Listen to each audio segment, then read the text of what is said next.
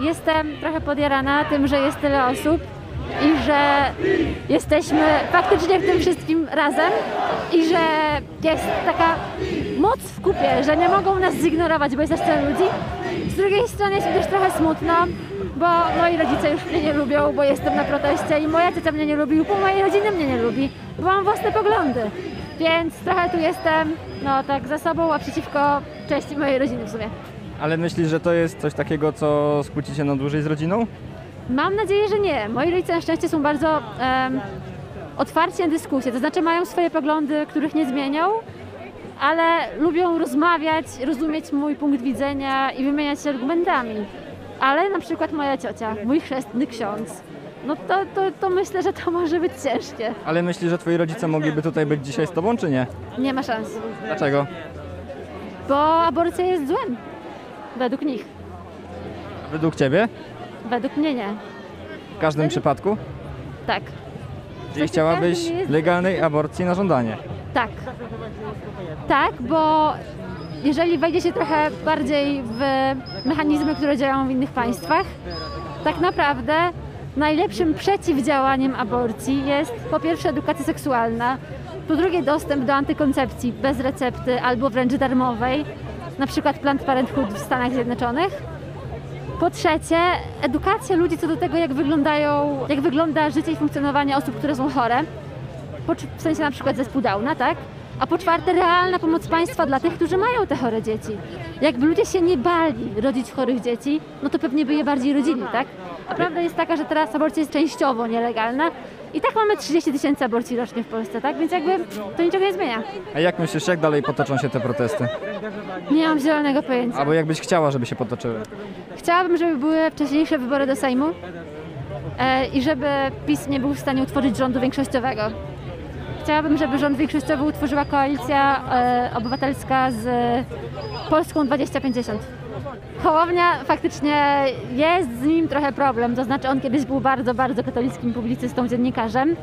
Natomiast na przykład w wyborach prezydenckich jasno mówił, że nie będzie łączył swoich prywatnych poglądów, a.k.a. bycia katolikiem i przeciwko aborcji, z tym, co jest w rządzie i w polityce. I mówił, że jest domyślnie za zachowaniem kompromisu aborcyjnego, a jeżeli miały być jakiekolwiek zmiany, to musiały być szeroko dyskutowane z ludźmi, ze społeczeństwem, ze społeczeństwem musiały być obrady, porady ekspertów i tak dalej, tak? A nie taka chamska zmiana jak teraz, tak?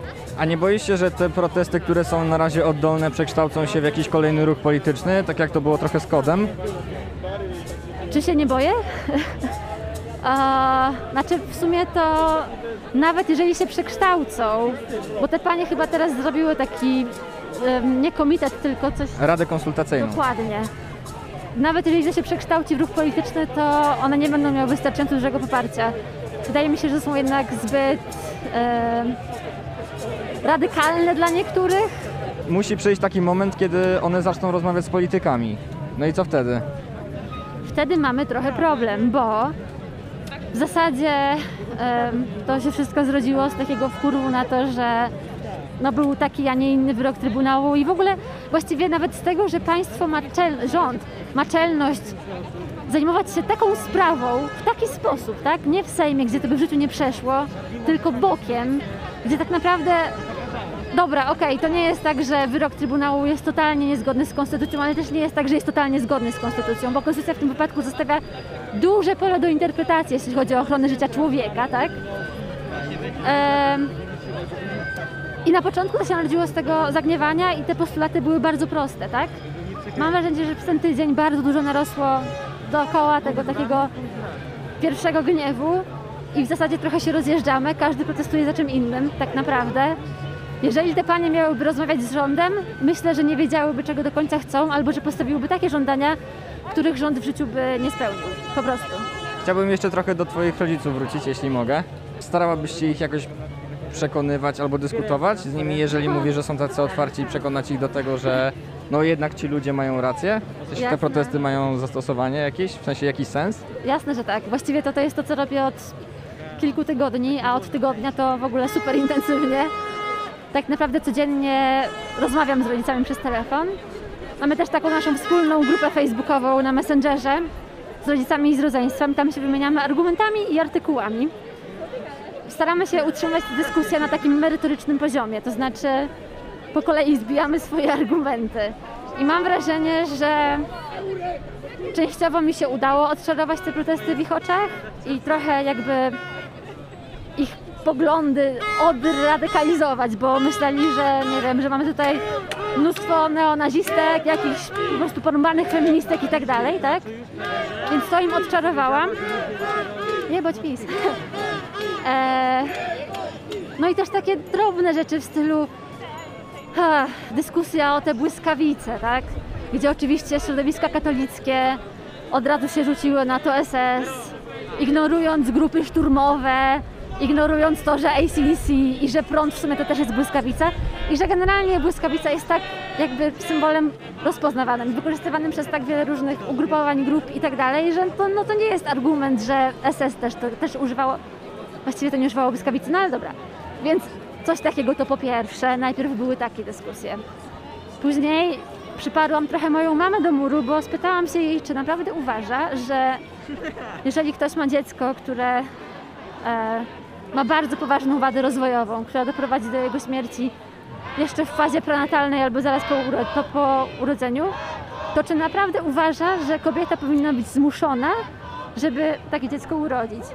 Każdy miałby, powinien mieć prawo do tego, żeby wybrać w jaki sposób przejść przez tę traumę, tak?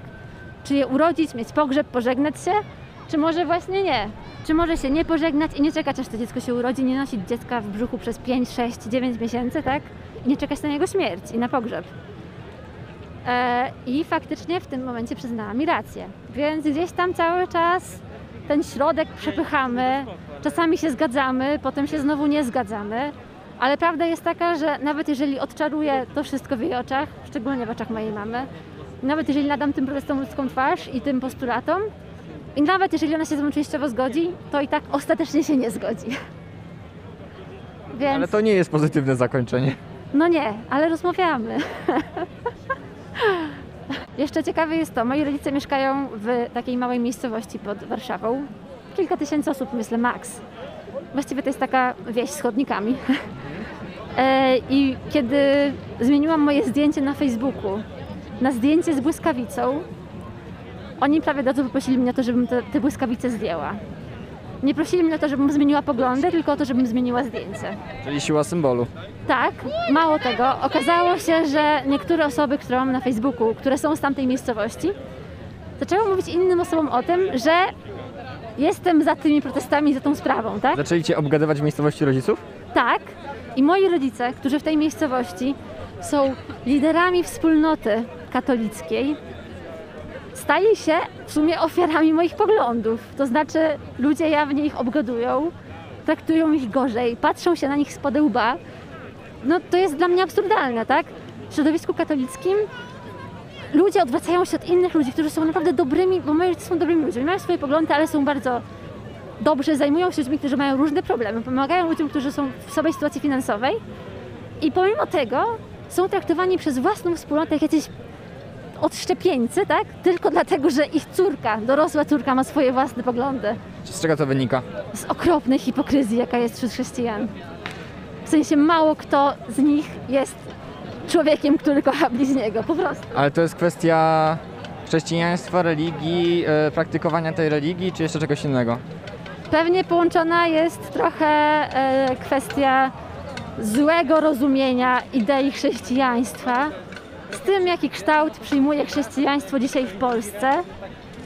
I jeszcze ze szczyptą tego, że to jest po prostu mała miejscowość, więc to jest taka mała miasteczkowość, tak?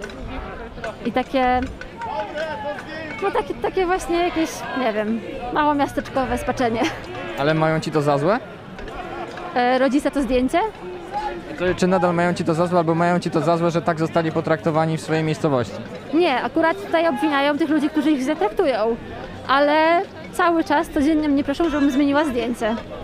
Bo nie wiedzą, co robić dalej, nie wiedzą, czy mogą być liderami wspólnoty. No dla mnie to jest absurd. Jakby to oni są oddzielnymi ludźmi, tak? Więc czemu? No ale cóż.